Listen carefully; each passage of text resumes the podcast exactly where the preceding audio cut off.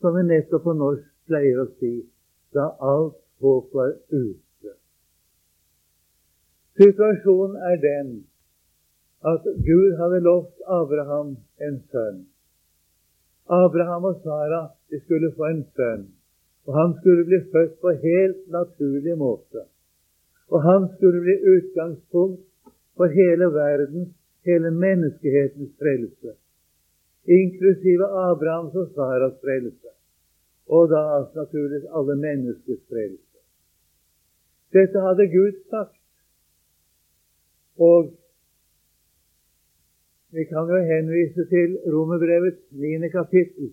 Jeg tror jeg med en gang vil lese litt der, for vi kommer til å få bruk for det om en liten stund. Jeg skal lese fra Romerbrevets niende kapittel, og for sammenhengens skyld lese fra vers 6. Men det er særlig vers 8 og 16 vi får bruk for da. Men jeg leser fra vers 6. Dog ikke som om Guds ord har slått feil. For ikke alle som er av Israel sett, er derfor for ikke alle som er av Israel, er derfor Israel. Heller ikke er alle fordi de er av Abrahams sett, derfor hans barn. Men, står det, i Isak skal det nevnes deg en ett. Det er ikke kjødets barn er Guds barn, men løftets barn regnes til ætten. For et løftes ord er dette. Ved denne tid vil jeg komme, og da skal Sara ha en sønn.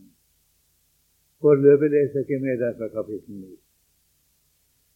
Situasjonen er altså den Gud har lovt Abraham og Sara en sønn, og så går årene. De får ingen sønn. De blir eldre og eldre, og Sara gir Abraham sin trellkvinne, og han får en sønn med henne. Han heter Ismael, og han er stamfar til araberne. Og denne trellkvinnens sønn, han forfølger Isak, som er den frie kvinnes sønn. Det hører vi senere. Og fra begynnelsen av har det vært fiendskap mellom arabere og israelere. Det er gammelt. Det skriver seg fra den gangen skal vi si det var en nødutvei som Abraham skulle benytte seg av. Jeg vet ikke om det er riktig å si det. Men i hvert fall, det var ikke Ismael som var den Gud hadde lovt. Og så går tiden. Abraham blir gammel. Han er nesten 100 år gammel. Sara er gammel. Og de menneskelige muligheter for at de nå kan få en sønn på naturlig måte, de er der ikke lenger. Nå er håpet ute. Hva gjør Abraham da? Han er realistisk. Han ser sitt eget legeme, som er utlevd. Han er altså nesten 100 år gammel. Han ser hvordan det er med Sara. Men han har et håp. Han stoler på Gud. Det var nemlig Det hadde nemlig hendt, det er nå flere år siden, det, en god del år siden, at Gud hadde tatt Abraham med seg utenfor teltet og sagt Vil du telle stjernene på himmelen? Vil du telle sanden på strandbredden? Det greide han jo ikke. Så skal din ett bli, sa han. Tallrik som stjernene på himmelen, som sand på strandbredden. Så skal din ett bli. Det har Gud sagt, og det stoler Abraham på. I den situasjonen, da alt håp er ute, har Abraham et håp. Og det håpet det lyder altså slik Gud har sagt, så skal din ett liv. Og så står det noe underlig uten å bli svak i troen. Det er ikke helt korrekt oversatt, kanskje. Du burde kanskje si uten at det ble svikt i troen. Uten å svikte i troen. Han følte seg nok mange ganger svak i troen, kan tro. Det behøver ikke være et tvil om at han har følt. Men han sviktet ikke. Gud har sagt, og har Gud sagt det, da kommer det til å skje. Det er helt sikkert. Det er mitt håp, det, og det stoler jeg på. Det er ikke noe muligens eller noe kanskje. Gud har sagt det, og da skjer det. Uten at det blir svikt i troen, kunne han se realistisk på at alt håp var ute. Han sviktet ikke tilliten til Guds løfter allikevel. Ser du hva dette ordet sier oss? På Guds løfte står det videre tvilte han ikke i vantro. Det står ikke det at han ikke tvilte, for det gjorde han sikkert mange ganger. Og det er ikke noe farlig om vi tviler, bare det ikke blir vantro. Vantro det betyr at man ikke vil tro, eller for å si det på en annen måte, at man vender seg bort fra løftet. At man sier som sier ja, det nytter jo ikke allikevel, osv. Det gjorde ikke Abraham. Han kunne tvile, men han tvilte ikke i vantro. Og du ser hvor nøyaktig Guds ord uttrykker seg. Tvert om sier Abraham det at han er fullt viss på, helt sikker på, det Gud har lovt, det er han også mektig til å gjøre. Så var det en dag, og det refererer altså Romerne 9 til, da vi leste. Herren kommer, og så sier han til Abraham Neste år ved denne tid kommer jeg igjen, og da skal Sara ha en sønn. Det var et løftesord, ikke sant? Et løftesord er dette. Ved denne tid vil jeg komme, og da skal Sara ha en sønn. Da lo Sara. Det er forståelig, men hun skulle ikke ha gjort det. Neste år hadde Abraham og Sara fått en sønn på helt naturlig måte. Og selv om denne sønnen var født på en menneskelig sett naturlig måte, så er han en løftet sønn. Et løftesord er dette. Og ser du illustrasjonen?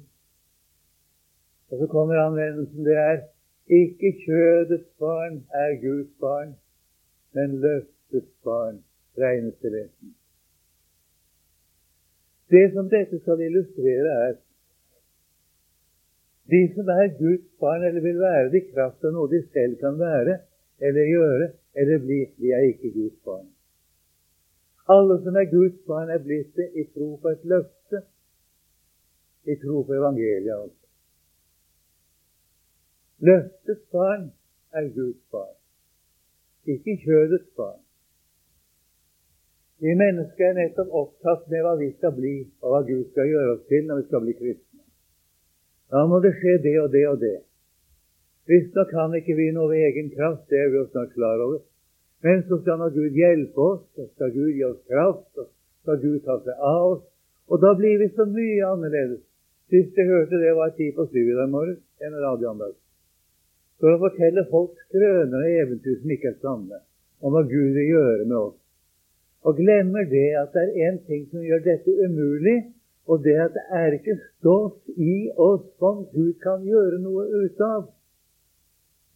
Alt håp er ute når det er spørsmål om at Gud kan gjøre noe ut av oss. Det er det som skal illustreres, at Abraham skal oppleve det på denne måten. For å bli en kristen og virkelig bli et frelst menneske må et menneske lære om seg selv at Gud kan ikke gjøre noe ut av meg. Det er ikke stoff i meg. Det er noen som tror det. Trodde det på Jesus tid også at hvis de fikk Guds kraft, så kunne de jo leve etter Guds vilje. De het fariseere, de menneskene. Gud, jeg takker deg fordi jeg ikke er som andre mennesker, som fariseeren. Røvere, horfarer, urettferdige, eller som denne toller. Tolleren var jo en landssviker. Han var takket av Gud for han ikke var det. Han mente det, han sa. Skulle det stått til meg, ville ikke jeg være annerledes enn andre mennesker. Fariseeren sier. Og det var hans overbevisning. Så når jeg ikke er som andre mennesker, så har jeg da ingen andre å takke for enn Gud alene at det er slik. Sånn tenker mennesker i dag også. Vi får bekjenne synd for Gud så godt vi kan, så gir Han tilgivelse. Og så hjelper Han oss, da. Så gir Han oss kraft. Og så blir vi annerledes. Og så kan vi bli kjærlige, og vi kan bli forståelsesfulle. Vi kan vise medynk, og vi kan gjøre godt både her og der. og Vi kan se til ensomme, og vi kan gi til fattige. Og ja, vi blir annerledes. Gud hjelper oss til det, og så han oss alt det gale vi har gjort, når vi bekjenner synden. Og da er jo kristne. Nei, kjære venner, det er vi ikke. Dette er ikke kristendom. Men dette forkynnes som kristendom. Så er det enkelte mennesker som ikke kommer inn i dette systemet. Når de får med Gud å gjøre, så blir de så overmannet av synd.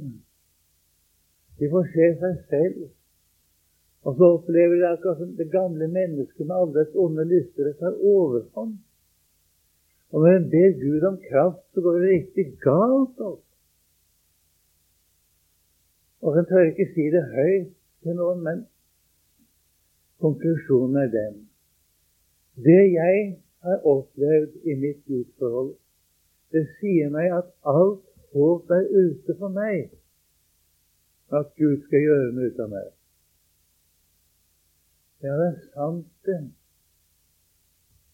Det er nettopp det som er. Og det er den erfaringen vi trenger å gjøre for å bli kristne. Og det er her forkynnelsen svikter stort i dag. Jeg kan bare spørre dere, nå hørte dere dette sist, som jeg sier nå? All denne tale om Guds hjelp og kraft, og det meste er én ting.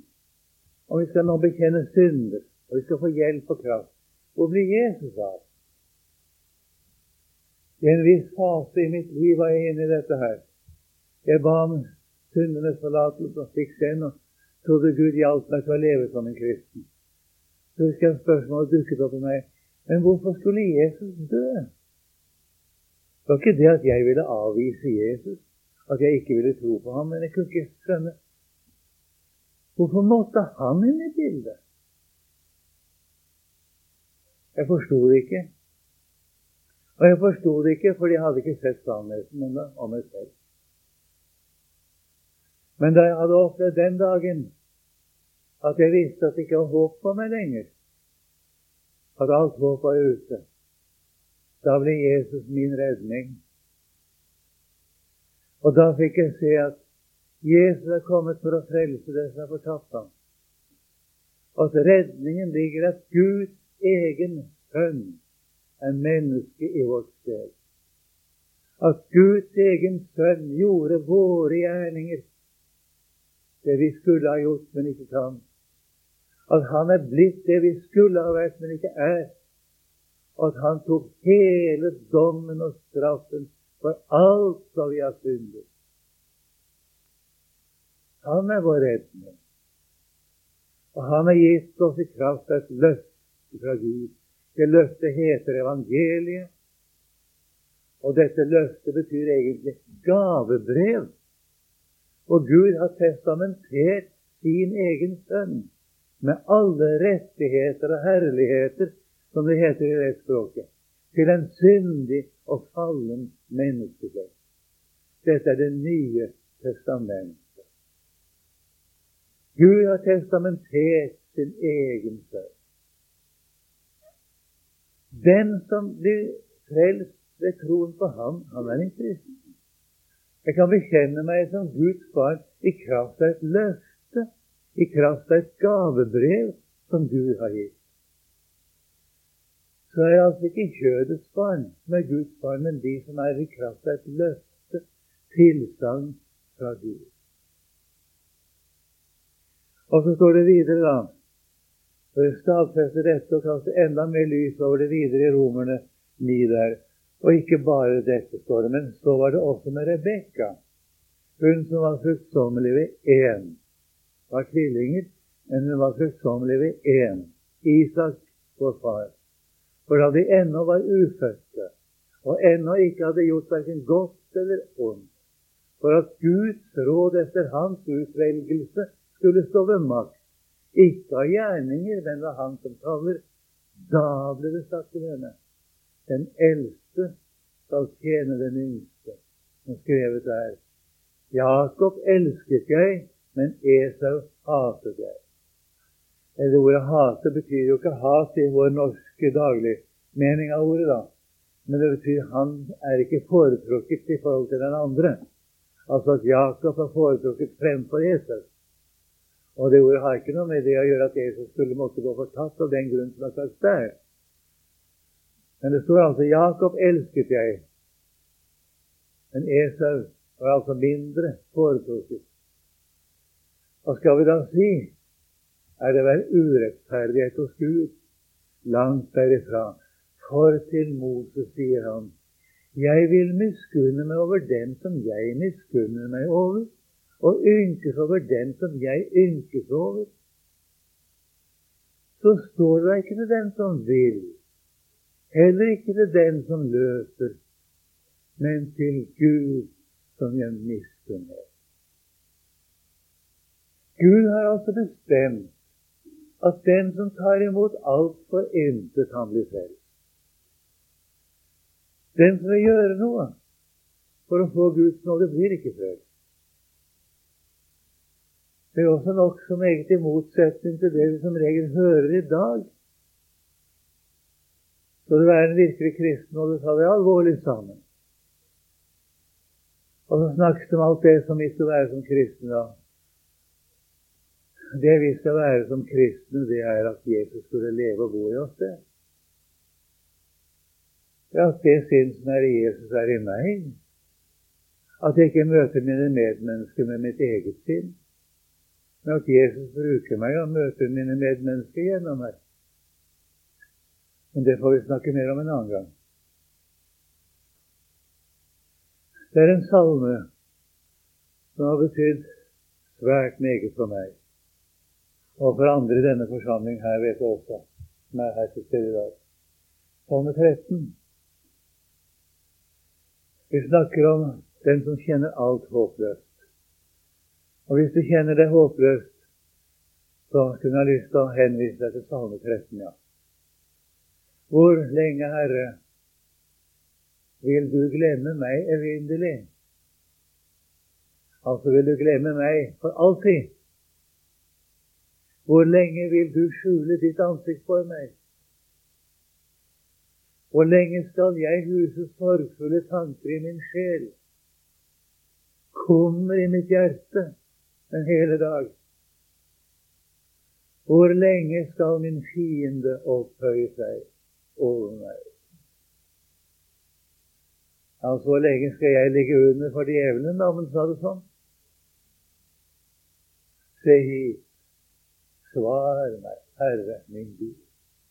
Oppklar mine øyne for at jeg ikke skal sove inn i døden.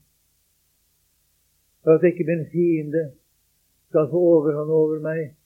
For at ikke mine motstandere skal fryde seg når min fot vakler. Og så hør. Men jeg setter min lit til din miskunnhet. Min sjel skal fryde seg i din frelse. Jeg vil prise Herren, for Han har gjort vel imot meg. Det sier David når han ikke vet hvor han skal vende seg hen. Når han ikke har holdepunkter. Når det ser ut som fienden kommer til å seire få det siste ord. Men jeg setter min lit til din miskunnhet. Og så sier han av vil prise Herren. Han har gjort vel. Ja, Jesus har gjort vel imot deg. Han har gjort vel imot meg. Det skjedde på Golgata, dere. Da gjorde Jesus vel imot oss. Da fridde han oss fra dommen og straffen med sitt eget blod. Da kjøpte Jesus oss fri fra Satan. Der på Golgata seiret Jesus over helvete over djevelen, over døden, over verden, over synden, over vårt gamle menneske.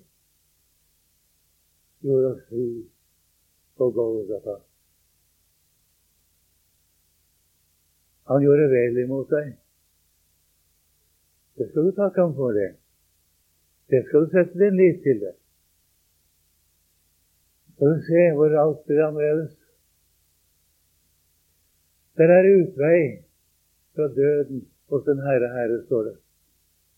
Det er utvei fra døden hos Jesus. Hos Jesus er utvei fra håpløsheten. Det er utveier. Han er selve veien Jesus for oss. Men skal vi riktig forstå dette her, og skal Herren få åpenbare det for oss, så må vi mer og mindre, da Det er kanskje ikke like utpreget for alle, kanskje, det er vel mulig. Vi må inn i dette at vi kommer der hvor det er ikke noe håp noe sted. Og du ser ikke utvei noe sted. Men da ser du Jesus, skjønner du. Og nå tror jeg han har sagt det han vil si oss i kveld. Dette skrevet står ikke bare for Abrahams skyld, at det ble tilregnet ham den gangen, men også vår skyld. Alt det som Jesus er og har gjort, blir tilregnet oss. Alt det som Jesus har gjort, er tilregnet oss. Vi som tror på Ham som oppvakte Jesus, vår Herre, fra de døde. I det, disse lasens dager er det noen som har funnet på det at det er forskjell på å tro på korset og så tro på en oppstand frelser.